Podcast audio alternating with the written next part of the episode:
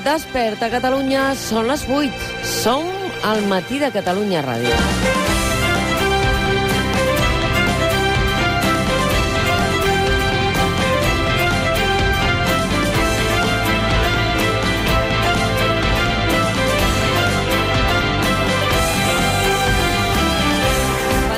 Que us aniríem despertant cada dia amb menys contingut sobre la Covid-19 i segurament que estaríem una mica més relaxades tots plegats, però no.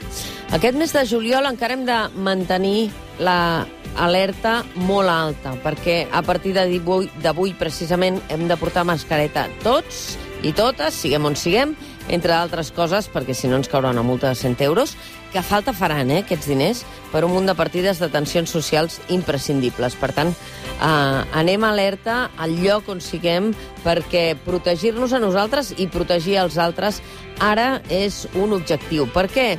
Doncs perquè hem de controlar bé els contactes, el rastreig, monitoritzar molt, molt, molt bé tots aquests brots, especialment els qui viviu al Segrià, que esteu fent un esforç important en aquests darrers dies.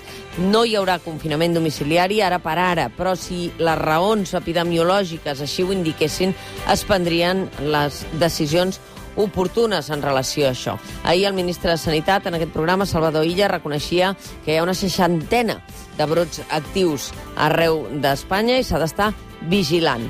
Avui, però, veurem el got mig ple. Ahir vam conèixer la intenció de SEAT d'invertir 5.000 milions fins al 2025 i assegurar el futur de la marca a través de la inversió en I+D en connectivitat. I avui es reuneix també el Mobile World Capital en presència de la ministra Nàdia Calviño i del conseller Puigneró, que avui ens acompanyarà. Per què? Perquè tant la notícia de SEAT, de la connectivitat i de la petició d'ajudes que fan a l'administració per poder-ho desenvolupar, com la notícia del Mobile World Congress, que John Hoffman va dir ahir a TV3 que es farà sí o sí el 2021 aquí, eh, en principi la primera setmana de març, fan eh, que el paper que ha de jugar la tecnologia digital en tot aquest ecosistema productiu que tenim sigui fonamental. Per tant, avui parlarem amb ell d'aquesta qüestió. El contrast, perquè avui veurem el got mig ple i demà el veurem tal com és. Sentireu els joves que van arribar aquí tots sols, al Marroc, del Senegal, de Guinea. Hem sentit moltes veus parlant dels menors no acompanyats durant aquesta temporada, del que fan, de com viuen, de com són. I finalment vam fer ahir un reportatge que emetrem demà al matí i els sentireu a ells, què senten, què pensen, com viuen i les dificultats que tenen quan compleixen 18 anys.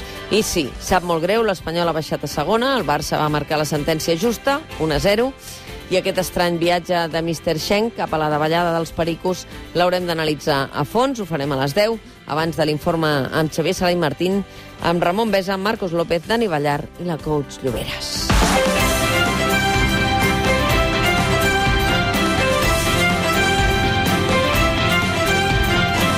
Des d'ara fins a la una som amb vosaltres perquè passi el que passi, volem que aquest sigui un bon dia.